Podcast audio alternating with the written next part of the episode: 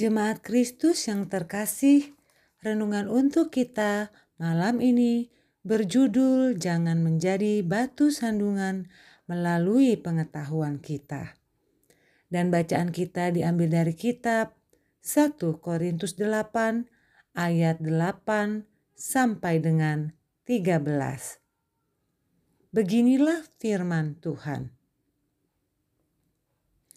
Makanan tidak membawa kita lebih dekat kepada Allah.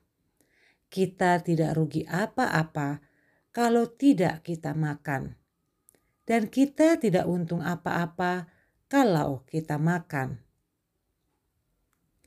Tetapi jagalah supaya kebebasanmu ini jangan menjadi batu sandungan bagi mereka yang lemah, karena Apabila orang melihat engkau yang mempunyai pengetahuan sedang duduk makan di dalam kuil berhala, bukankah orang yang lemah hati nuraninya itu dikuatkan untuk makan daging persembahan berhala?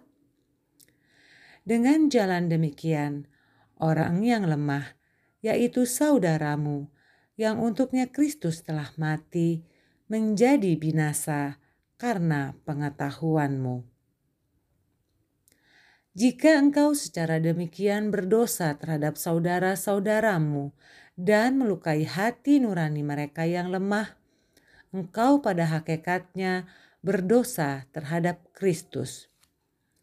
Karena itu, apabila makanan menjadi batu sandungan bagi saudaraku, aku untuk selama-lamanya tidak akan mau makan daging lagi, supaya aku jangan menjadi batu sandungan bagi saudaraku.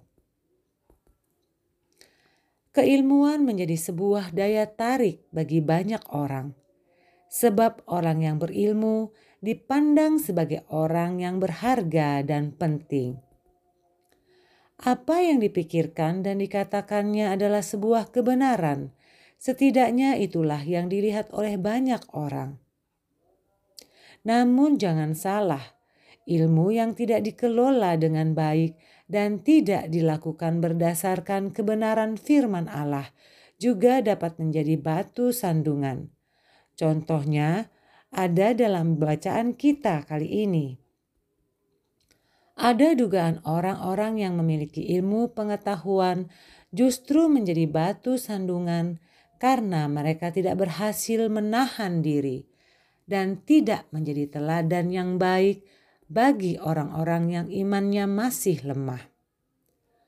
Paulus mengingatkan hal tersebut agar orang-orang yang masih lemah imannya tidak semakin jatuh dalam dosa dan pencobaan.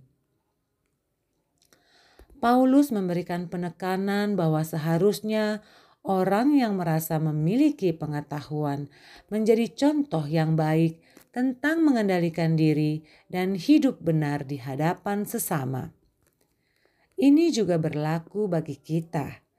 Mari hidup dengan bijak dan berhati-hati, sebab mungkin ada orang-orang di sekitar yang mendengarkan serta memperhatikan perilaku kita, dan mereka mencontohnya tanpa sepengetahuan kita. Agar kita tetap berkenan di hadapan Allah sekaligus menjadi berkat tanpa kita sadari melalui orang-orang yang bersyukur dengan kehadiran kita. Terus kerjakan kebenaran Allah dan jadilah berkat. Demikianlah renungan malam ini. Semoga damai sejahtera dari Tuhan Yesus Kristus tetap memenuhi hati dan pikiran kita. Amin. Jemaat yang terkasih, Mari kita bersatu hati menaikkan pokok-pokok doa yang ada dalam gerakan doa 21 GKI Sarua Indah. Mari kita berdoa.